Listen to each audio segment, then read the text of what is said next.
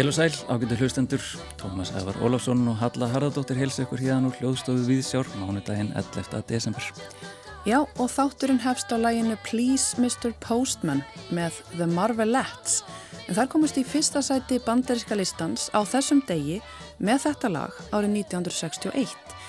Það er af því tilefni sem við hefum þáttinn á þessu lægi, en svo er þetta bara okkar óður til postþjónustunar og allra sem að vinna á postinum nú í aðdraðanda jólana. En það er fleiri en postur á daskra hjá okkur í dag. Við ætlum að vera með aðvendu, myndlist á heimilum og Arnald Indriðarsson í þetta dagsins. Já, það hefur eflust ekki farið fram hjá mörgum bókmenta unnendum að Arnaldur Indriðarsson er ofalega, ef ekki efst á flestum metsölulistum bókaveslana þessi dagrin. Þetta er orðin einskonar ný jólahefð hér á landi en í viðsjáðu dag ætlum við aðeins að velta vöngum yfir höfundinum og spyrja spurningar sem leiði það var í loftinu undan færðin ár. Er Arnaldur Indriðarsson Arnaldur Indriðarsson? þar að segja, gæti hann verið einhver annar eða aðrir, jáfnvel. Já, og Trausti Ólafsson, leikúsinnir, verður einnig með okkur í dag að þessu sinni fjallar hann um leiksýninguna Aðvendu sem síndir í borgarleikúsinu. En við byrjum þáttinn á nýri ljósmyndabók. Fyrir skemstu kom út bókin Myndlist á heimilum, það sem hægt er að skegnast inn á íslensk heimili, það sem myndlist gegnur stóru hlutverki.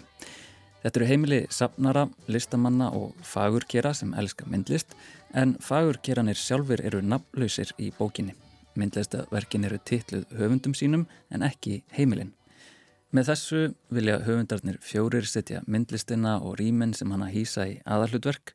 Það má segja heimilin endur spekli ákveðin tíðranda á smekk og emitt það og margt fleira rætti Halla við einn af höfundum bókarinnar Olgu Lilju Ólafsdóttur sem einnig er ein af stofnundum Ufsulón Gallerís í Kópói. Halla byrjaði á því að spyrja Olgu Lilju út í höfundabókarinnar sem eru fjórir. Þetta er sérsagt eins og nafnir fjórir höfundar og það eru sérsagt hérna, hjónin hérna, Gunnar Sverrisson og Hallabóra en þau hafa gefið út fjölda bóka, þú veist, samanber heimili og bústaðir og þessi bók í raun og veru passar inn í sko svona þeirra, þeirra serju en er samt bara svona sjálfstætt framhald og hinn er tveir höfundi, höfundarnir eru þá sagt, ég, Olga Lilja og hann Sigurðar Alli en við sagt, hérna, eigum og rekum Ufsulongalleri saman sem er staðsett sagt, á gömlu ólispensistuðinni í Hamraborginni mm -hmm. Einmitt og hafið staðið að alls konar myndlistartengdum verkefnum líka því sjáu líka um auðlýsingarlið eða ekki satt? Jú, mikið rétt. Orðið bara fastur liður í borginni? Algjörlega og það er svolítið svona hvað segir maður hefur verið svona okkar hérna sín að koma einhvern veginn inn í þessa senu eða inn í þennan heim á einhvern veginn svolítið svona áhugaverðan en svona óheðbundin hátt samanbyrja reyka galleri á gamalli mm -hmm. bensinstöð eða það að taka yfir auðlýsingaskildi í hérna auðlýsingaskildi í borginni og leifa myndlistamanni að koma að þú veist mm -hmm.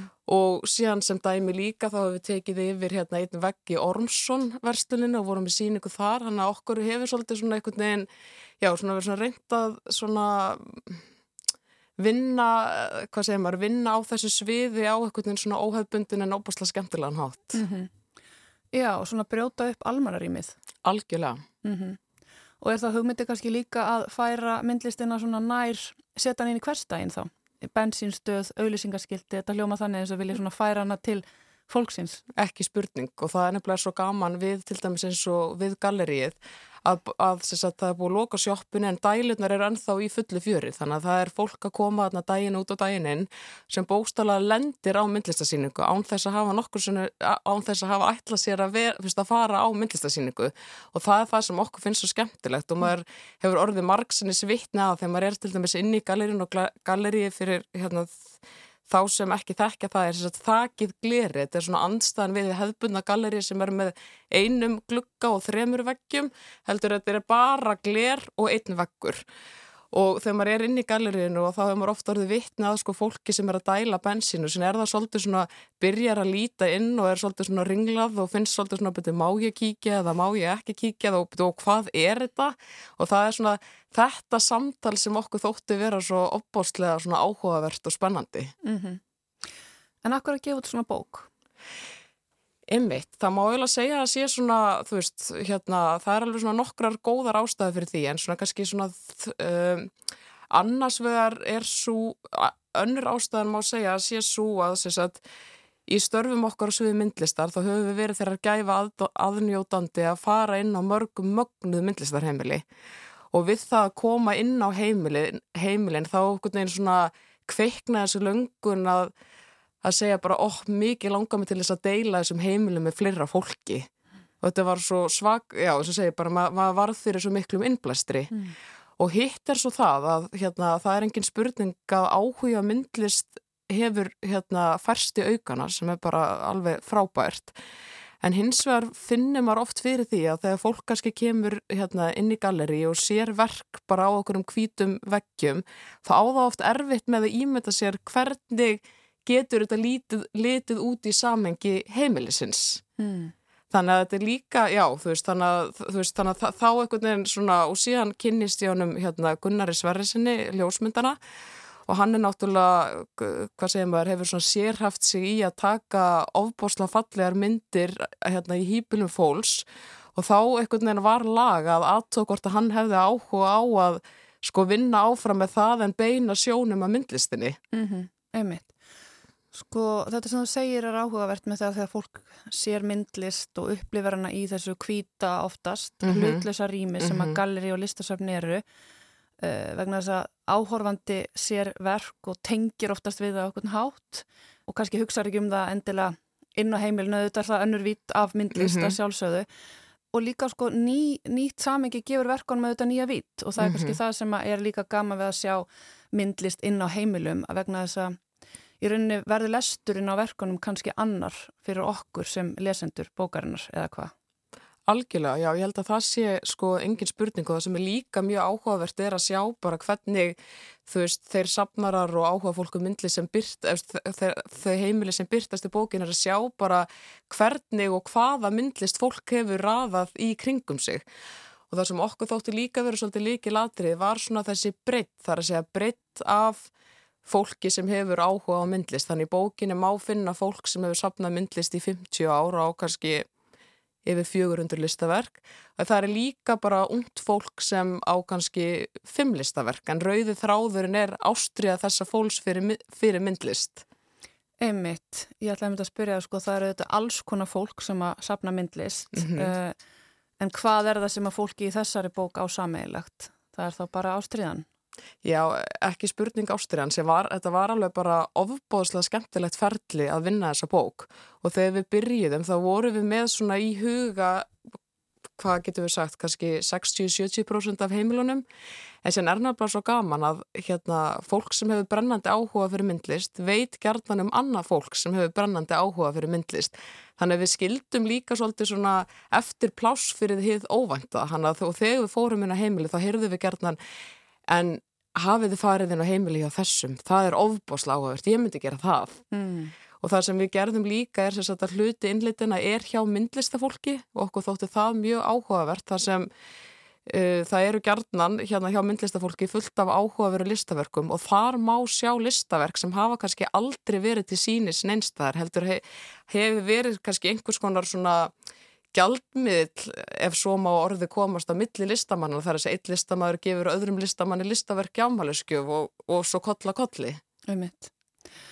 Það er eitt við þessa bók líka vegna þess að þú talar um þetta sér alls konar fólk en það er uh, eitthvað sem við sjáum kannski ekki alltaf í svona bókum uh, heimilin eru nafnlaus mm -hmm. sem að gefur svo líka aðra vít mm -hmm. og, uh, og reyndar eru rýminn þá líka um leiði nafnlaus og ég stóð með þetta alltaf því að veltaði fyrir mér sko hvar húsum væri staðsett og hvaða arkitekt væri á bakverð rýmin. Mm -hmm.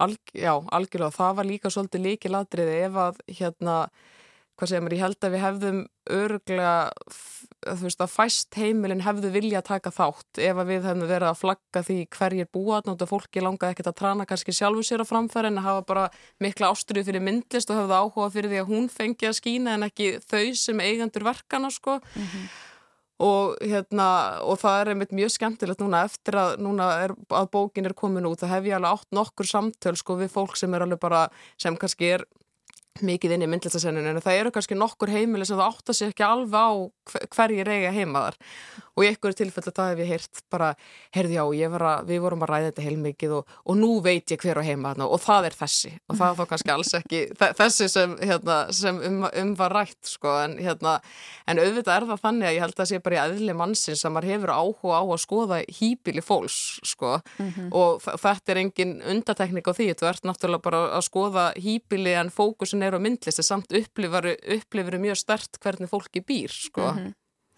Einmitt. Ég saði við hérna áður við byrjum að spjalla þegar ég var að flétta í gegnum bókinu þá hefði þörf fyrir að hlaupa heim og fara að laga til. Mm -hmm. Þetta er mhm. auðvitað eins og í flestum svona bókum þá er allt rosalega fínt og reynd og slett og svona kantskorið. Mm -hmm.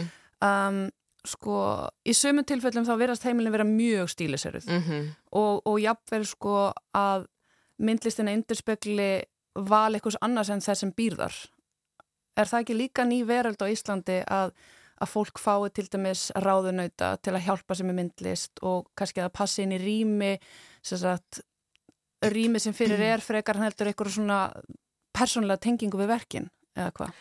Mm, jú, ég myndi alveg segja að það er ekki spurning að það er svolítið svona nýr veruleiki á Íslandi að fólk sé að sækja sér ráðleggingu bara alveg eins og sækja ráðleggingu þegar þú ert að hanna heimilið þitt, þú veist hvað var þar arkitektur og hönnun og þá er þetta náttúrulega myndlistin er bara, þú veist þess eðlis að fólk sem er kannski ekki að svona, spá í þessu alla daga þá er bara ekki spurning að hvað sem er að það hérna, er mikið fengið af því að ræða eða spekla sig í fólki sem lifur og hærist í þessum heim og það er einmitt það sem við höfum verið að gera samlega, galirræksturum er að aðstóða fólk einmitt við að hérna kaupa myndlist, en ég finn samt svona, eða allavega fyrir mig persónulega skiptir rosalega miklu mála við höfum lagt upp með það, þú veist, í þeim tilfellum sem við höfum verið að kaupa myndlist fyrir fólk, er þessi tenging, sem sagt, eigandans við myndlistamannin, eða fyrir mig, eða nú get ég bara að tala fyrir mig persónulega át af því að ég, hérna, er með einhver verk heima hjá mér og hefur bara mikið áhuga myndlist sjálf,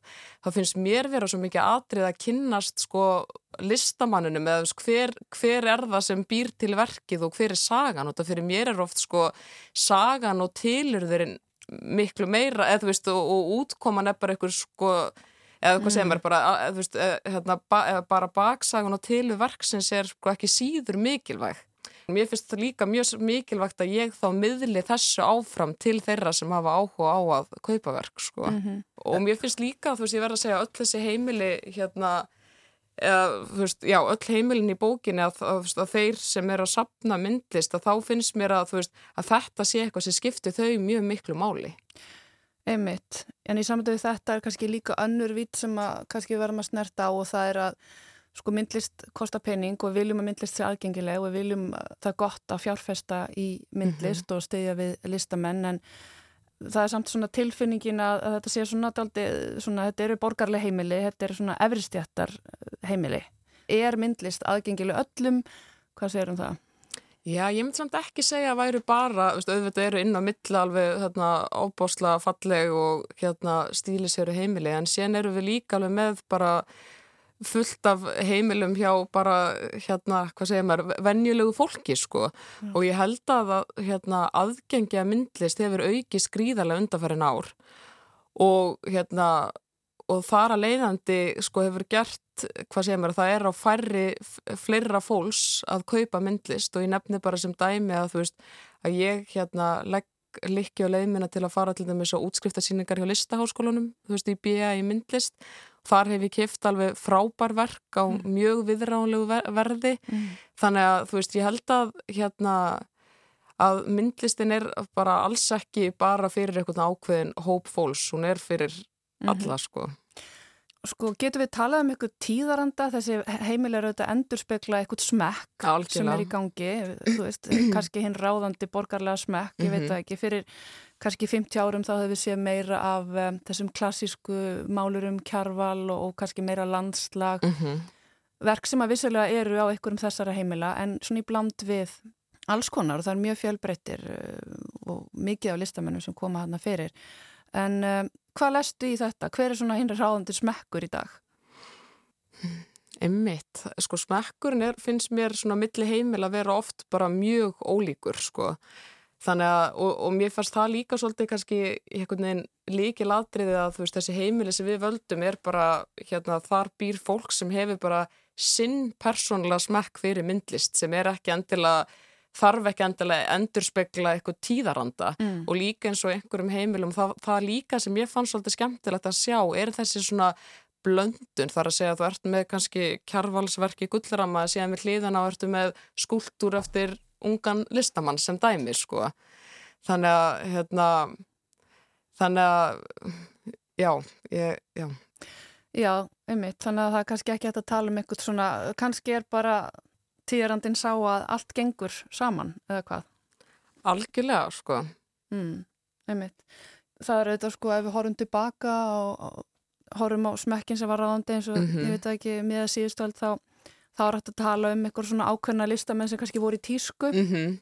Það er kannski ekki mm, smart að tala um myndlist í samengi við tísku, en auðvitað eru alltaf einhverjir -hmm. myndlistamenn sem að ná í gegn mhm. og þú veist, það er óhjákamilegt að tala um markað um leiðum að tala um mhm, myndlist mm -hmm. ekki satt? Jú, jú, algjörlega og menna, það sjáum við alveg í bókinni að það eru vissir listamenn sem byrtast oftar heldur en aðrir í bókinni og það eru bara ó, óhjákamilegt sko. Mm -hmm.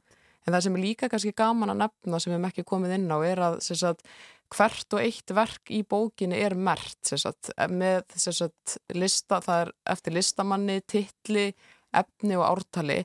Hann að má segja að þessi bók sé líka eitthvað bara uppflett ritt um myndlist á Íslandi hann á okkur þótti það líka svo gaman að þú getur farið þá aftast í bókina og bara þar er bara mjög svona greina gott efniseflit og þá getur þú flett eftir myndlistamannum og séð á hvaða blaðsum hann byrtist í bókinni og þá er líka mjög gaman að sjá að kannski sami myndlistamæðurinn er að byrtast á gjör ólíkum heimilum sem hafa allt öðruvísi smekk og stíl mm -hmm.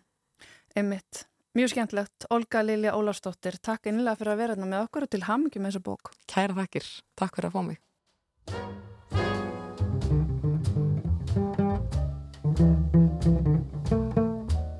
Halla rætti við Olgu Lilju Ólarsdóttur um ljósmyndabókina Myndlist á heimilum og áður en lengra er haldið skulum við hlýða á nýjútkomna íslenska tónlist Áskjörður Júniusdóttir sendi nýveri frá sér plötu Séð frá tungli en þar flytur söngkonan jazz og kabarett útgáfur af sönglugum Jórunar Viðar. Við fáum vonandi að heyra meira af þessum nýju útsendingum hér í Viðsjá síðar en byrjum á því að setja eitt lag á fónin. Þetta er lagið Úlingurinn í skóginu.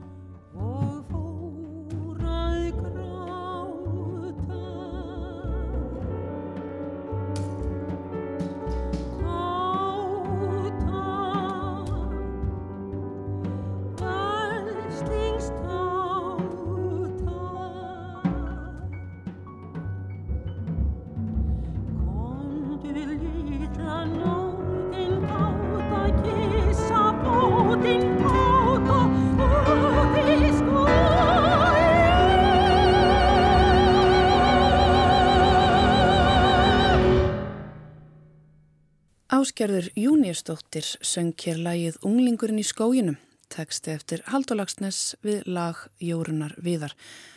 Þetta lag er að finna á nýjútkominu plötu Áskerðar séð frá tungli en á plötunni má finna áttalög Jórunar Viðar, þekkt lög auk annara minnaþektra sem heyrast nú fyrst í þessum nýju útsetningum á plötunni. En þá fyrir við í leikúsið Leikverkið Aðvenda sem byggir á aðvendu Gunnars Gunnarssonar var frumsynd í borgarleikusinu þann 3. desember. Uppsendingin er í höndum sviðslistahópsins Rauða Sófans en leikstjóri er Egil Ingibergsson. Trausti Ólafsson tekur nú við. Sviðslistahópurinn Rauði Sófin frumsyndi sunnudaginn 3. desember á nýja sviði borgarleikusins samlistaverk sem byggt er á skálsögunni Aðvendu eftir Gunnar Gunnarsson. Sú bók Gunnars sem leikhópurinn nefnir Perlu íslenskrar bókmættasögu í kynningu nýtur nokkra sérstöðu meðal íslenskra bóka og umgengni við aðvendu á liðnum árum hefur ákveðin helgi síða blæ.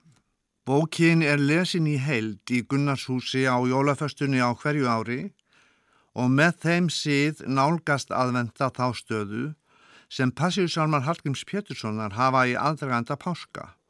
En þá er þetta 50 sálmaverk flutt í mörgum kirkjum landsins og taka margir þátt í þeim gjörningi, bæði lærðir og leikir.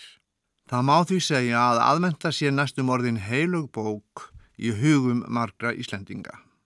Gunnar byggði skáldsöguna aðvendu á lýsingu Benedikt Sigurjónssonar sem kallaður var fjallabensi af eftirleitarferð hans um Mývatsörafi á jólaföstunni en svo frásögn Benedikt spyrtist í tímarítunni Eimreiðinni árið 1931. Þerðir Benedikt sem öræfinn á jólaföstunni voru reyndan margar, því að árum saman leitaði hann að eftirlegu kindum á þessum ástíma þegar allra veðra var von og hafði með sér hundsinn og einn fóristu hrút. Þeir voru förunöytar Benedikts í perðum sem gáttu orði lífsættulegar en alltaf komst þrenningin lifandi til byggða og hafði með sér þær kindur sem þeim tókst að sapna saman á fjöllum. Það er ekki undarlegt að róður skálsugunar aðvendu skuli hafa víðafarið og bókin rataði þýðingum á fjölmarkar tungur. Þessi stuttasaga er afbræðs vel skrifuð og efni hennar snertir margastrengi aðra en minningar um fornabúskaparhætti og dáðir kvundagshetja. Bókin er knöpp í formi, stutt og nýtmiðuð. Þar er sagt frá einstakri trúmennsku, miklu þolgæði og leitinni að trú og tilgangi í lífi þess sem lifað hefur langa æfi án þess að draumurinn um ástina einu og sönnu hafi ræst. Þegar svo er ástatt er eins og svo oftir sagt þegar áföll ríða yfir bara eitt að gera, að halda áfram. Og það gerir fjallabensi. Heldur ótröður til fjalla og kemst úr sinni örefa för lífandi til byggða.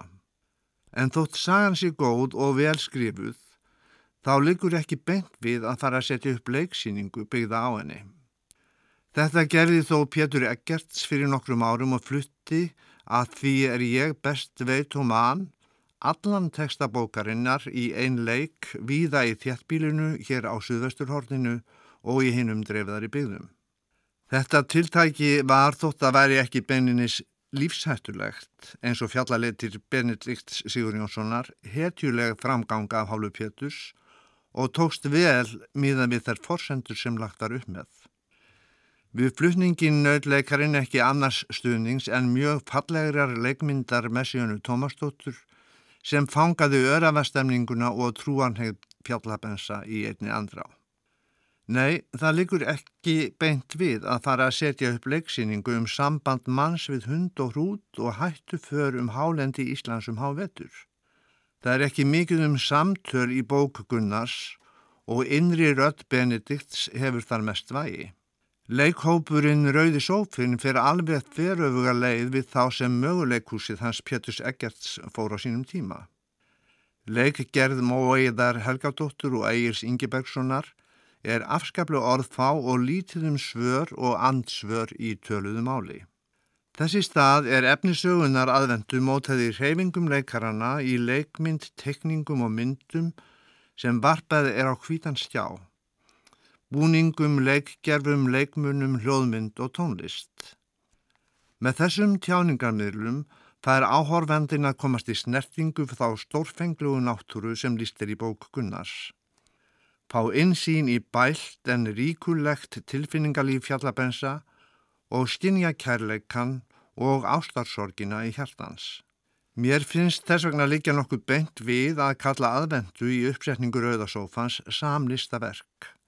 Listaverk þar sem hinnar ólíku greinar, tónlistin, myndlistin, leiklistin og tæknin renna saman í eina held og verða að listaverki á leiksviði.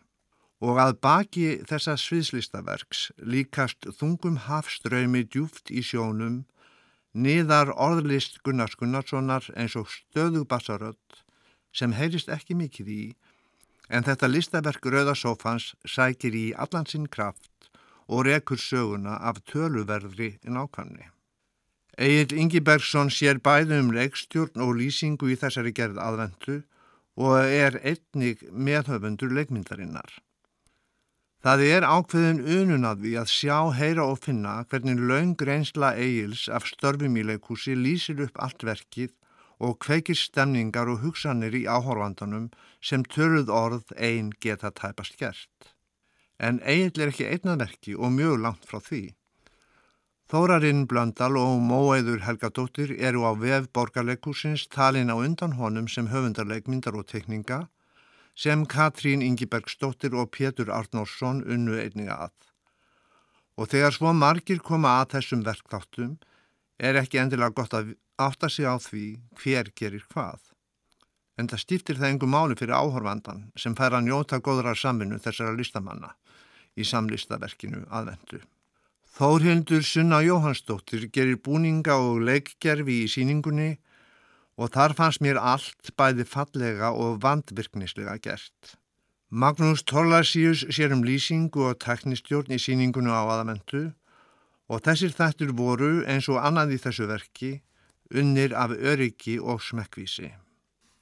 Ónemnd er tónlist og hljóðmynd Sigurðar Haldurssonar sem límir listaverkið svo stert saman að það minnir að því leiti ágeð samt kunstverk eftir Wagner. Þó að fyrirferðin sé minni og hér sé sögð góðsaga af manni, hundi og hrúti en ekki leitað í ettuskálskap um heðnagvöði og fornarhetjur. Leikararnir í samlistaverkinu aðvendu heita Fríðgeir Einarsson og Lóvísa Ósk Gunnarsdóttir. Fríðgeir fannst mér reynt ótrúlega sannfærandi í hlutverki hins bernska fjallabensa. Rólegt en fumlöst fasans var alltaf mjög við hæfi og það var alveg sama hvort Lóvísa var í hlutverki hunds eða rossabonda og allra mögulegra karaktera þrámilli.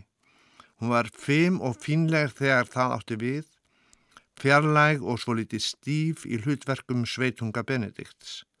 Og hvaða bensi hefði ekki orðið skotin í henni þegar hún byrtist í hlutverki æsku ástar smalamannsins og móður nafnaðans Benedikts. Sigurður Haldursson, tón og hljóðhöfundur, er á sviðinu allan tíman með selóði sitt og fleiri töfragripi og hann er hinn eiginlegi kórstjóri síningarinnar. Hann og leikararnir tveir mynda tríó sem verður á sviðinu svo íslenskt að það getur tæpast orðið íslenskara. Nefna þegar kvennakórin kallast yfir á svið og syngur sum þeirra laga sem fáir sem hér á landi hafa fæðst og alist upp geta heilt án þess að það snerti einhverja viðkvæma strengi í sálum þeirra. Og því lík blessun sem það var að fá að heyra þessar kvennaratir beint frá brjóstisöngvarana en ekki fluttar í gegnum aflýfandi hljóðkerfi.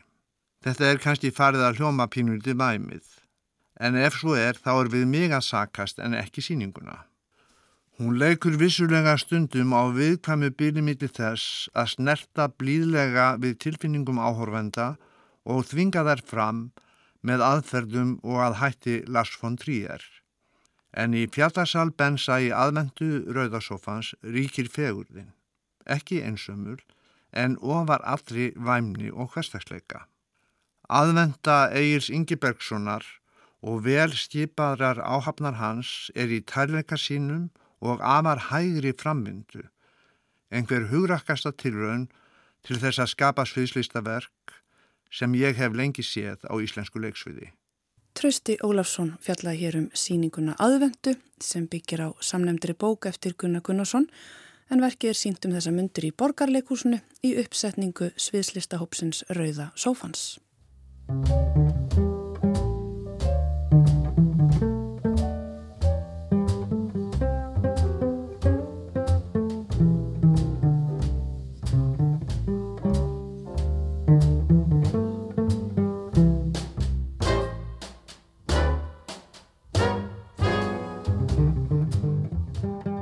Það er kenning sem hefur leið í loftinu í svolítinn tíma.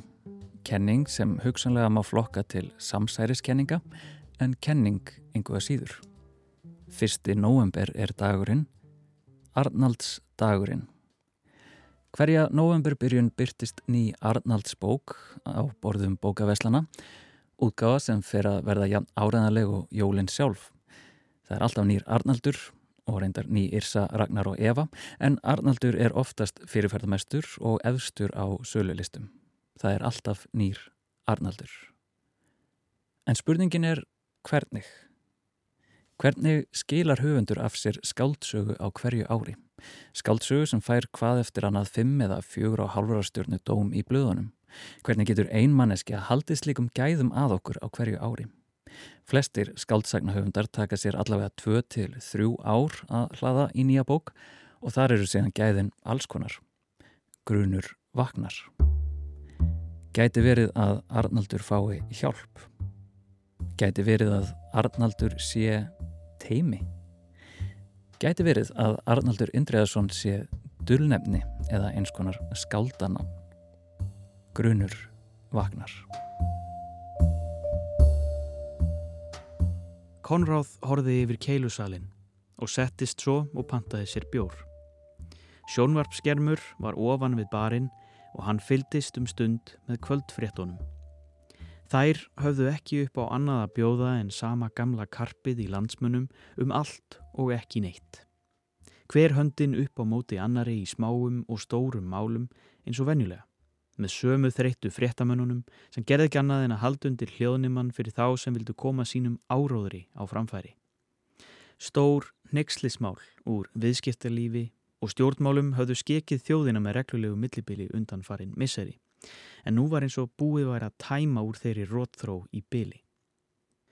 Konráði var skemmt þegar fréttalesarin, óskýr í framburði, tók að bögla út úr sér setningu sem hann átti miklum erfileiku með og snerti einhverja ólánskonu á Norðurlandi.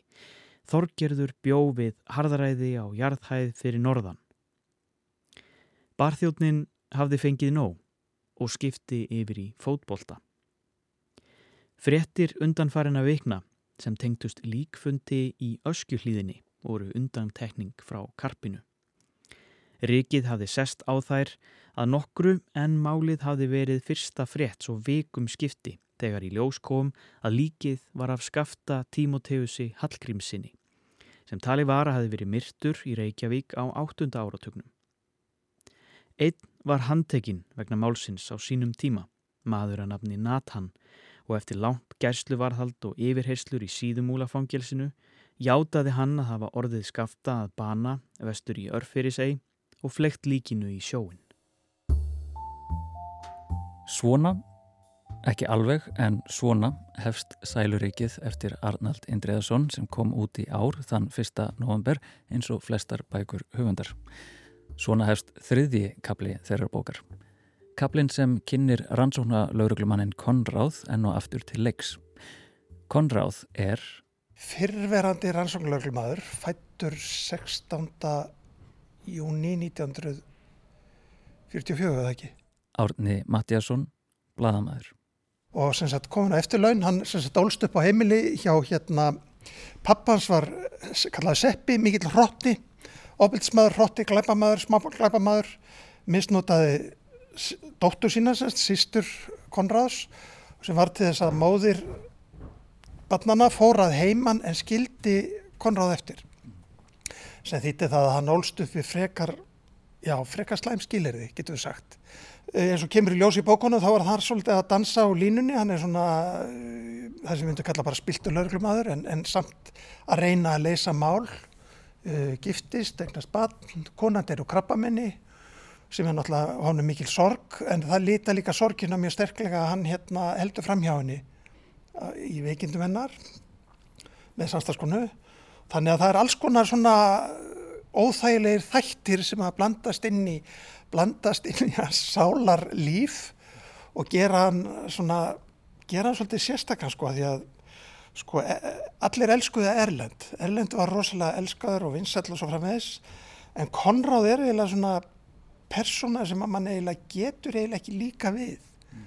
og það er eiginlega svolítið mikil kunst hvað Arnaldi tekst að láta mann samt hafa samúð með Konráð því að Konráð, sem eins og ég segja hann, hann, hann er spiltur lauruglumadur á sín tíma og samt sem aður vilmaður hann, hann, hann nái að leysa þessi mál sem hann er að glima við sko. og, og þau mál, eh, tekstunum yfir höfuð að leysa þau? Já, hún er textaleysa og sko náttúrulega stærsta málu sko þess að það eru komnar hvað, fimm eða sex bækur og sko er, þetta er raun og raun risastór saga og þetta er raun og raun saga um Reykjavík á þessum tíma þegar hann er lauruglumadur og fram til okkar daga og þetta er rosalega mikið endurliti, hann er að leysa gömul mál, það er svona mál og fortiðinu sem að sitja í honum. Og þetta er einn svona stór samhanguti saga og í gegnum þetta allt sem hann gengur morðið á Seppa, morðið á pappans sem að var aldrei upplýst. Og ég er að vona að veða upplýst í bókinu sem ég er að lesa núna, nýjastu bókinu, ég er að vona að það klárist því það er svolítið svona óþreyði fullur eftir það klárist en, en sérst já, hann er að leysa allskeins mál úr fortíðinni. Og þetta, inn í þetta blandast sko, þetta er svona allskeins smákrimmar og, og, og bóvar sem að sem blandast inn í þetta en inn í þetta blandast líka svona barnanýðsringur sem að hann er í raun og veru að fletta á hana smá saman. En sko málega er að margir af þeim þessum óþokkum eru náttúrulega farnir eru döðir og fengu aldrei maglega málagjöld. Þannig að það er svolítið erfitt að segja hann upplýsi mál þegar allir eru lungu döðir sem flæktust í það. En samt sem áður er hann að reyna hann er að reyna að ná fram réttlætina á sinn brogaða hátt, á sinn gallaða hátt með að því að hann hefur alltaf þessa galla sem hann dragnast með í gegnum lífið Hefur þú lesið Arnald frá upphæði? Sko, ég játaði hér nú að ég er ekki sérstaklega gefið fyrir gleipasögur en hérna og þegar Arnaldur, ég tekti náttúrulega Arnald vann með honum á mokkanum í kannan daga og bara hef alltaf kunnað rosa vel við hann. Og svo þegar fór að skrifa þessa gleipasögur þá ég segja að ég nenni ekki lesa þetta. Svo tók ég mig til einu sinni og las þegar maður búin að skrifa held ég tíu bækur þá tók ég mig og las eiginlega alla fyrsta bækunarnas og þá sá ég að, að hann er bara hann er bara þrælfítn höfundur. Flettunar eru svona eins og, eins og gengur svona upp ofan en hann er alveg opáslega fítn höfundur. Hann er mjög góður í að búa til personur sem að mann er ekki sama um. Og hann er að skrifa um svo miklu meira eins og allir góði glæparsaknahöfundar þetta er ekki bara glæpurinn og lausnin og, og refsingin heldur hann að skrifa svo miklu meira, hann er að skrifa líka samfélagslögu og glæpasugur eru á vissu leiti og ég lesið þó ég, þó ég hafi ekki gaman að glæpasugum þá ég lesið opaslega margar að ég lesi opaslega mikið. Og þær eru oft rosalega góð samtímasaga. Og bækurna hans Arnaldar eru svolítið svona, þær eru svolítið góð samtímasaga. Og hann er ofta að skrifa um tíma sem að ég lifði vegna þess að ég er svona ás heldur yngri en, en, hérna, en hérna Konráð til dæmis. En sem sagt það er að lýsa tíma sem ég þekki mjög vel, samfélagi sem ég þekki mjög vel. Þannig að ég, þær eru trúverður og goðar þannig að já, ég hef ekki lesað hann frá uppaf ég hef ekki lesið alla bækunar hans ég hugsa að ég settist niður og færi gegnum þetta það hefði nú lesið það flestar. Lestu hratt? Já, ég les, les frekar hratt sko. Ég, hérna, ég les, sko ég er nú reyndar ekki lesið eins mikið á þessu ára undanferðin ár, ég er komin í 200 og eitthvað bækur, en ég les 20-300 bækur ári og ég les mjög hratt, en ekki alla bækur. Summa bækur eru bara þannig að maður bara fer fetið í gegnum þær, en aðra bækur eins og Arnaldur, og ég er ekki að segja þetta til þess að draga hann eitthvað niður að gera lítun, að maður hleypur í gegnum svona bækur, vel skrifaðar, bækur með skýran og góðan sögurþráð maður hleypur í gegnum þær. Þannig að já, ég les mjög hrætt Gætur þú trúaði að Arnaldur Indriðarsson sé að einhverju leiti dullnefni eða skaldana? Uh, nei. Árni Mattíasson segir nei við stóru spurningunni. Hugsanlega er Arnaldur Indriðarsson einfallega Arnaldur Indriðarsson en mér langar samt að leggja út kenningu mína og leifa þér að dæma ágætið hlustandi. Samkvæmt Wikipedia er Arnaldur Indriðarsson raunmanneskja, íslenskur spennursagna og sagfræðingur. Sónur Þórunar Ólafar Fridriksdóttur og Indriða G. Þorsteinssonar, rítuöndar, Arnaldur starfaði við Morgunblæðið frá því hann útskriðaðist úr mentaskólanum við Hamrallíð árið 1981, ímist í lausamennsku eða fullu starfi og hófa að gefa út spennusögur árið 1997 og síðan hafa ekki liðið Arnalds laus jól í 26 ár. Samsverðiskenningin um skáldanamnið Arnaldur Indriðarsson byrjaði sem gamanmál Hún fættist eftir að Arnaldur var hættur að fást í viðtöl við fjölmiðla og allt efni sem hann sást í var mjög vel rammað inn. Framleiðslan og Arnaldur virtust alltaf hafa fulla stjórn á því sem sínt var og ber þar helst að nefna auðlýsingar með viðtalsglefsum sem hann byrtist í til að kynna bækur sínar. Einhver staðar var síðan svo hugmyndviðruð að Arnaldur hefði hugsanlega bundið enda á skrif sín eftir að Erlendserjan fræga leiðandi lok en þá hafi tekjur af bókum hans skipt útgefundur verkana of miklu máli. Og því hafi hugsanlega skaldanaps samningur verið dregin upp þess efnis að forlag hans fengi að nota nafn hans á árlega sériu spennubóka sem fölluðu um svipuð hugðarefni og í fyrir bókum en væru skrifuð af teimi annara höfunda, allt til að halda í spennusagna tekjurnar sem spila stórt hlutverk í rekstri. Þetta er auðvitað einbert samsæri En hvað ef? Grunur vaknar.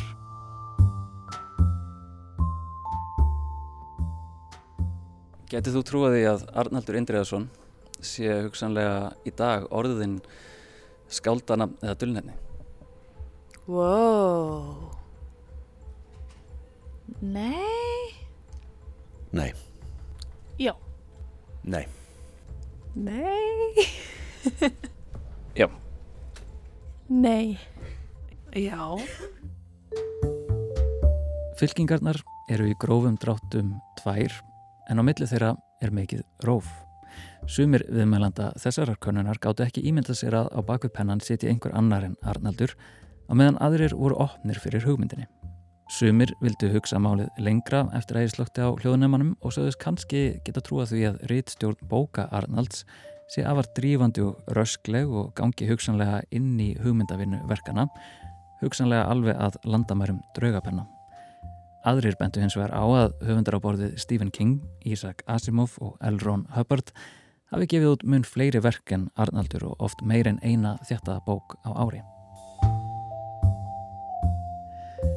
Eitt er víst að botn fæst líklega ekki í samsæriskenningu þessa nema með því að ræða við höfundin sjálfan en það er hægara sagt en gert. Við hjá Viðsjá höfum reynd að fá Arnald í svipmynd þáttar en ekki tekist það enn. Svo ég segi, Arnaldur, ef þú ert að hlusta, þá er það okkur sannur heiður að fá þig í samtal í bráð. Til hamingju með sæluríkið. When the twilight is gone and no songbirds are singing. When the twilight is gone, you come into my heart, and here in my heart you will stay. While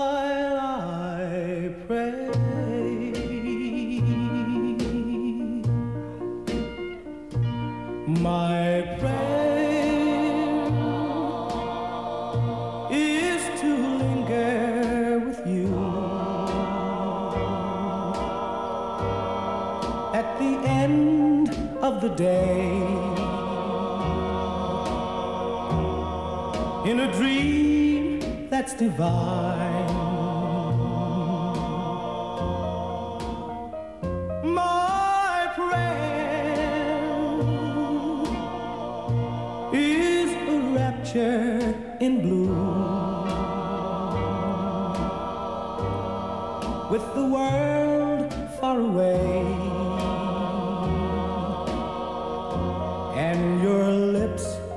close to mine.